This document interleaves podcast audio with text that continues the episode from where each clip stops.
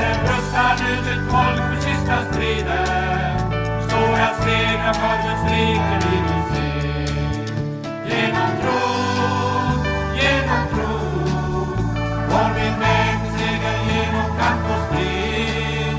Genom tro, genom tro får vi med seger genom kamp och strid. God morgon och välkommen att vara med en halvtimme här framåt och lyssna. Jag har eh, jag heter Gertrud Johansson och jag har några program här i närradion talat om den kristnes kamp i världen. Och jag har försökt att visa på hur världen får människan att satsa på eh, ting som är meningslösa eftersom det riktar sig inåt mot världen och det står ju så här i Guds ord att världen förgår. Det är inte ett evigt rike, det är inomvärldsligt och ändligt, men vi är satta till att satsa på ett evigt rike som inte kan vackla. Och därför så är det en kamp för den kristne att vara i världen. Vi är på fientlig mark och fientligt territorium. Idag skulle jag vilja tala om den övervinnande tron. Och det är ju väldigt nödvändigt att vi äger denna tro, den gudagivna tron. Det står så här i Johannes första brevs femte kapitel. Så står det så här från första versen. Var och en som tror att Jesus är Kristus, han är född av Gud. Och var och en som älskar honom som födde, han älskar också den som är född av honom. Därför, när vi älskar Gud och håller hans bud, då vet vi att vi älskar Guds barn.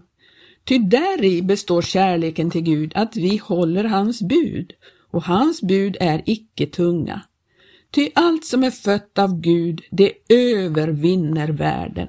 Och detta är den seger som har övervunnit världen, vår tro. Vilken annan kan övervinna världen än den som tror att Jesus är Guds son? Och det är just den här tron som är född av Gud i våra hjärtan, alltså att vi har en tro som är gudagiven. Och för att börja med den här, det här programmet så skulle jag vilja börja med att läsa i Eh, boken På ordets grund som är skriven av Tage Johansson som har skrivit då bibelstudier, korta bibelstudier och eh, ett par av dem handlar om tron och jag ska läsa. Det står så här, trons grund, kamp och nödvändighet. Och så skriver han så här, denna gång ska vårt studium av skriften handla något om tron, trons grund, trons kamp och trons nödvändighet. Vad är tro? Tro är att förlita sig på någonting, något som man har ett förtroendefullt förhållande till, en tillförsikt som det heter i Hebreerbrevets elfte kapitel. Detta kapitel har för övrigt kallat trons höga visa. Tron är inte grunden, som det felaktigt heter i Bibel 2000. Men tron har en fast och orubblig grund att vila på, som är Guds ord. I en sångstext står det Guds ord som en klippa i väl och i ve står fast om en bergende vika.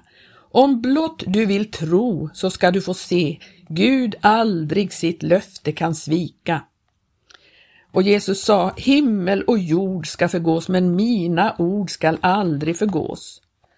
Ordet som anden levande gör är den källa som tron har sitt ursprung i och hämtar sin näring ur. Gud har skapat allt genom sitt ord. Ordet är alltså den fasta grund som tron vilar på. Det står om Kaleb och Josua att de ägde trons ande och detta berodde på att de hade tagit vara på trons ord i motsats till dem som gick under i öknen. De hade inte låtit trons löftesord bli upptaget i sina hjärtan. Eller som det står i en annan översättning, ordet hade inte blivit sammansmält med dem som hörde det. Det står i Hebreerbrevet 4. Trons kamp. Kampen står om den sanna tron. Vi förmanas att kämpa för den tro som en gång för alla blev överlämnad åt de heliga, det står det i Judas brev. Våra första föräldrar förlorade i kampen om tron. Otron och tvivlets ord blev sått i deras hjärtan. I den andliga vapenrustningen ingår trons sköld som kan användas för att utsläcka alla fiendens brinnande pilar. När Paulus ser tillbaka på sitt liv utropar han triumferande Jag har bevarat tron. Han uppmanar också Timoteus att kämpa trons kamp för att därigenom söka vinna det eviga livet. Är man rustad med tro och ett gott samvete behöver man inte lida skeppsbrott i tron. Trons nödvändighet. Utan tro är det omöjligt att täckas Gud, står det i Hebreerbrevet 11. Tron är viktigast, även om den inte är störst. Det är kärlek som är störst.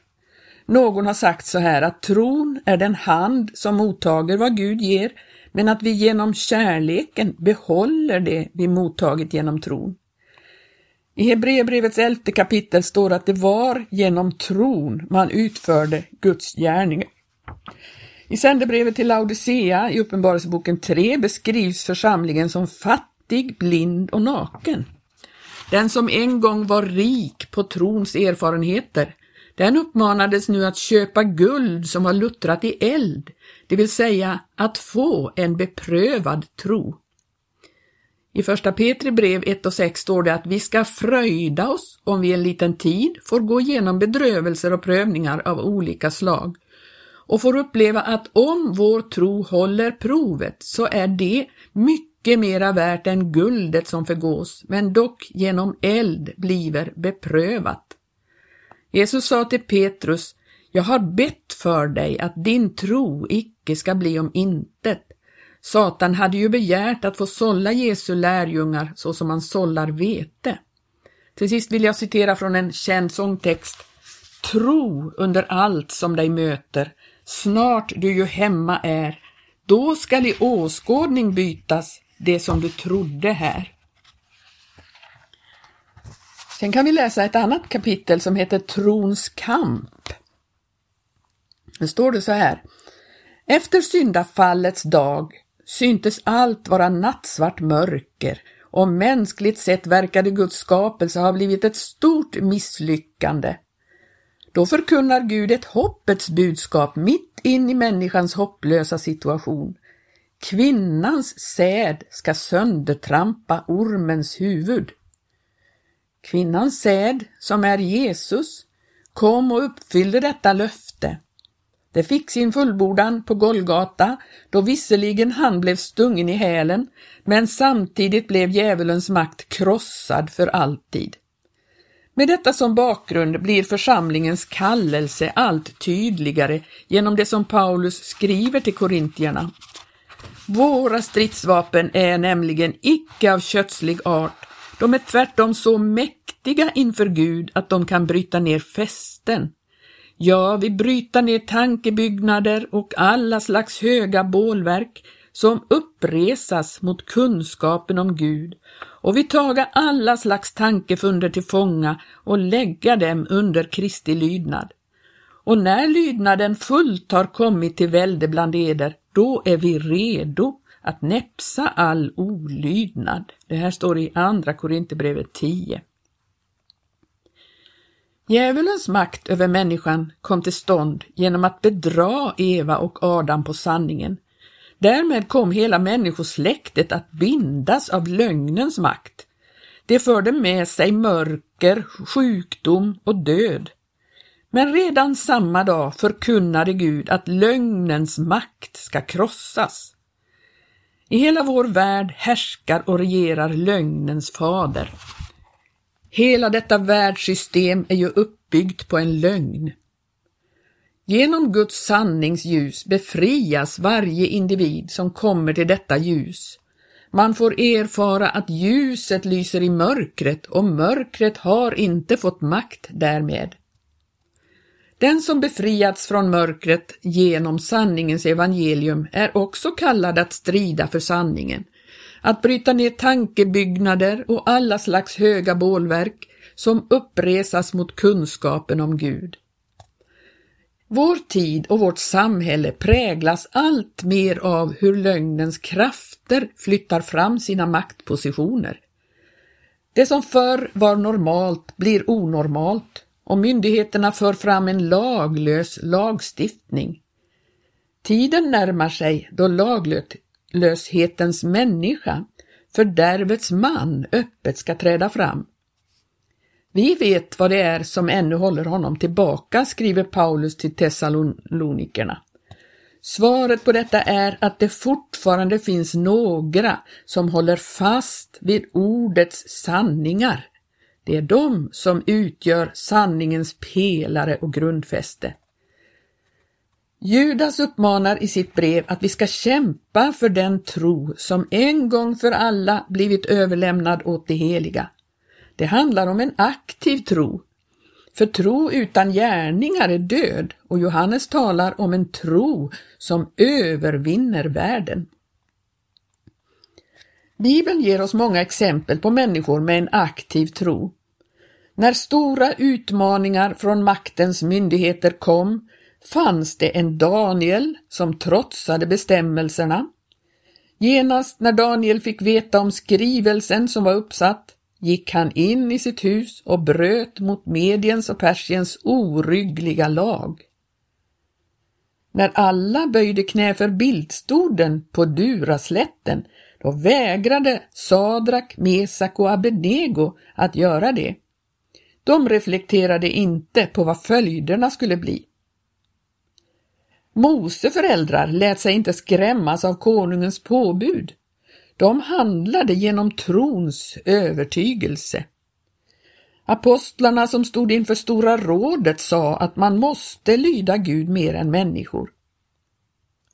I denna tid med alla påbud och förbud från vår tids myndigheter kan vi inte böja knä för denna tidens bildstod, även om det skulle innebära bildligt talat en lejongrop eller en het ugn. Som trons folk har vi ett stort ansvar för vår samtid. Genom tron vägrar vi böja oss för fiendens skrämselpropaganda. En sak är att vara idealist eller opponent.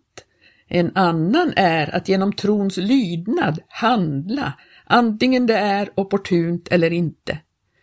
Det är oundvikligt att drabbas av konflikter, lidande och förföljelser på den vägen.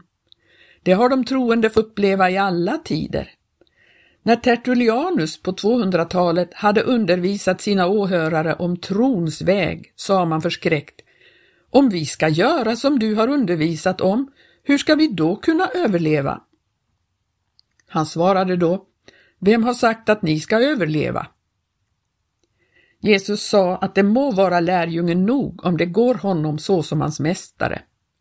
Att gå trons väg innebär att vi kommer i konflikt med antidiskrimineringslagen, agalagen, abortlagen och alla andra lagar som undergräver vad som är sant och riktigt i en helig gudsfruktan. Så ska alla de som vilja leva gudfruktigt i Kristus Jesus få lida förföljelse, står det i Andra Timotebrevet 3 och 12. Ja, så långt eh, var de bibelstudier jag läste nu ur boken På ordets grund av Tage Johansson.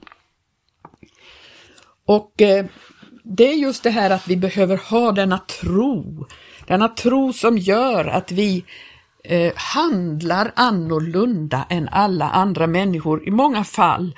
Därför att vi är människor som i första hand lyssnar på vad Gud säger om, om saker och ting. Eh, det är eh, en väg vi får gå som är Jesus själv. I Johannes 14 så har jag läst, det handlar om Jesus. Han talar själv här då. Eh, vi kan läsa ur Johannes 14 där Jesus skriver så här. Edra hjärtan vare icke oroliga, tro på Gud, tro också på mig. Och det står ju på ett annat ställe i Johannes att, eh, eh, att jag, har, jag har övervunnit världen. I världen lider ni betryck, var vid gott mod, jag har övervunnit världen. Och så skriver han här, eller säger han här i Johannes 14. Ehm, vi kan fortsätta i vers eh, Ja, vi kan fortsätta där helt enkelt i detta kapitlet. I min faders hus är många boningar. Om så icke vore skulle jag nu säga er att jag går bort för att bereda er rum. Och om jag än går bort för att bereda er rum, så skall jag dock komma igen och ta er till mig. Ty jag vill att där jag är ska ni också vara. Och vägen som leder dit jag går, den vet ni. Thomas sa till honom, Herre, vi vet inte vart du går. Hur kan vi då veta vägen? Och då säger Jesus de här orden som är så kända. Jesus svarade honom, Jag är vägen och sanningen och livet. Ingen kommer till Fadern utom genom mig. Hade ni känt mig så hade ni också känt min fader. Nu känner ni honom och har sett honom. Filippus sa till honom, Herre låt oss se Fadern så har vi nog. Och Jesus svarade honom, så lång tid har jag varit hos er och du har inte lärt känna mig, Filippus. Den som har sett mig, han har sett Fadern. Hur kan du då säga, låt oss se Fadern? Tror du inte att jag är i Fadern och att Fadern är i mig? De ord jag talar till er talar jag icke av mig själv och gärningarna, dem gör Fadern som bor i mig. Det är hans verk. Och så vidare. Och jag har tänkt på det här vad, vad, Jesus menar med detta, för han säger ju Thomas, ja men vi vet ju inte ens vart du går, hur ska vi kunna veta vägen? Och så säger Jesus, jag är vägen. Och vad innebär det? Vad innebär det att Jesus är vägen? Eh, var vid gott mod, jag har övervunnit världen, säger han i det andra bibelordet vi läste. Det är ju så här att Jesus genom sitt liv övervann världen. Genom sin död vann han över synd och, och tog all vår skuld och uh, gav oss frälsning genom att offra sitt blod. Men världen, den övervann Jesus genom sitt liv, genom sin vandring här, genom hur han vandrade. Han övervann världen genom sitt sätt att eh, välja, sitt sätt att prioritera, sitt sätt att förhålla sig till de ting som är i världen. Och det var hans eh, vittnesbörd. Han säger så här att denna världens furste kommer. I mig finns inget som hör honom till. I mig finns inget som hör honom till. Han, han hade ju inte låtit någonting bli en del av honom själv utav det som var i världen. Utan allt han var och hade och det, det, var, det hörde enbart eh, Herren och eh, hans rike till. Och därför så kan han säga så här, jag är vägen. Så när vi vandrar, så står, det står ju så här i, på ett annat ställe att om vi säger att vi tror på honom så är vi pliktiga att själv vandra så som han vandrade. Och hur ska vi kunna eh, göra detta? Jo, det står ju, det, det handlar om kärleken. För att eh, det beror på om vi har en tro som är verksam genom kärlek. För att eh, det är ju kärleken som gör att vi, vi förhåller oss till Jesus på rätt sätt. Älskar ni mig så håller ni mina bud. Det är ju så fruktansvärt viktigt att vi har denna kärlek till Jesus som gör att vi väljer rätt, att vi, att vi prioriterar rätt, att vi tar vara på vad han har sagt. Och, och det är det som gör att vi, vi kan gå den här vägen. Jesus är ju inte bara dörren, han är också vägen. Han är sanningen, han är livet, själva livet får vi leva i gemenskap med honom. Vi kan känna och uppleva att vi, att vi misslyckas med det här. Hur ska vi kunna älska Jesus så till den grad och hur ska vi kunna låta saker och ting eh, alltid eh, vara, vara i underordnad betydelse till att detta att följa Jesus. Petrus upplevde ju att han misslyckades totalt. Han eh, mötte Jesus efter Jesu uppståndelse och då säger Jesus till honom, älskar du mig? Och Petrus säger, ja, du vet att jag älskar dig. Men eh, Jesus gav honom eh, uppgifter därför han visste att det var sant. Petrus älskade honom. Det var bara det att han behövde denna kraft ifrån eh, Herren Jesus. Därför står ju så här att den helige ande behöver vi. Det står i Romarbrevet 5 och 5 så står det så här. Guds kärlek är utgjuten i våra hjärtan genom den helige Ande, vilken har blivit oss given. Så viktigt att vi har den helige Ande som kan utgjuta i oss den kärlek som vi ska ha till Jesus, så vi kan gå en annan väg, att vi kan göra andra gärningar. Vi kan ju läsa hela Hebreerbrevet 11, hur människor valde. Det står ju det att utan tro är det omöjligt att täckas Gud. Men vi kan läsa om Noa, vi kan läsa om Abraham, Sara och så vidare och deras avkomlingar, hur de satsade på ett rike som inte är av den här världen. De satsade på något som man inte såg ännu. Det står i, om Noa så här, sen han hade fått en uppenbarelse om något som man ännu inte såg, i from förtröstan byggde han en ark för att rädda sitt hus och genom den blev han värden till dom och fick till arvedel den rättfärdighet som hör tron till. Han, han satsade på någonting som man ännu inte såg. Och likadant var det med Abraham, han var lydig när han blev kallad och drog ut till det land som han skulle få till arvedel. Han drog ut fastän han inte visste vart han skulle komma. Och så står det så sen att han väntade på staden med de fasta grundvalarna vars byggmästare och skapare är Gud. Och där, där står om deras Sara och Abrahams avkomlingar, så står det i tron dog alla dessa innan de ännu hade fått vad utlovat var. De hade alena sett det i fjärran och hade hälsat det och bekänt sig vara gäster och främlingar på jorden. Och i i sextonde versen står det, nu stod deras håg till ett bättre, nämligen det himmelska. Satsar vi på det himmelska, satsar vi på de eviga tingen, låter vi vår tro så eh, manifesteras i våra liv, att vi vågar satsa på det som inte syns här i tiden, då hör vi till den skara som som vandrar i tron och som vandrar vägen, som Jesus säger. Vi behöver denna tro som står i Galaterbrevet 5, en tro som är verksam genom kärlek. Det kan vi få genom den helige Ande och genom den helige Ande får vi kraft till att vandra den här vägen, till att vara ett annorlunda folk som satsar på de eviga tingen. Och på det viset så kan vi övervinna här i världen.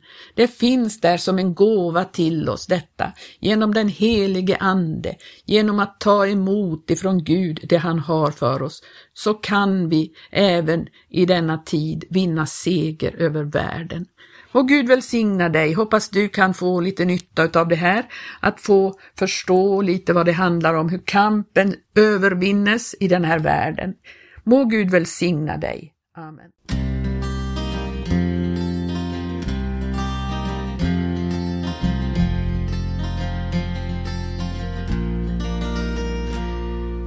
När jag ser dig vandra upp mot kullen förföljd av ropen från en hatisk mängd. Hur du sakta dignar under korset utav pöbelhopens massa trängd. Hånad och förnedrad tar du stegen mot det mål du ensam fått att nå. Undergiven fader detta var hans vilja för att nå jag skulle få. Jesus, jag vill älska dig, älska dig för evigt, för att du för mig dig utgav så. För din stora kärlek vill jag överlämna hjärtats allra mest fördolda vrå är min och jag är din, ja din för evigt. Snart på skyarna vi mötas skall. Jesus, jag vill älska, älska dig för evigt. Du är värd min lovsång. Ut ur dödens boningar du träder, Segerrik och full av härlighet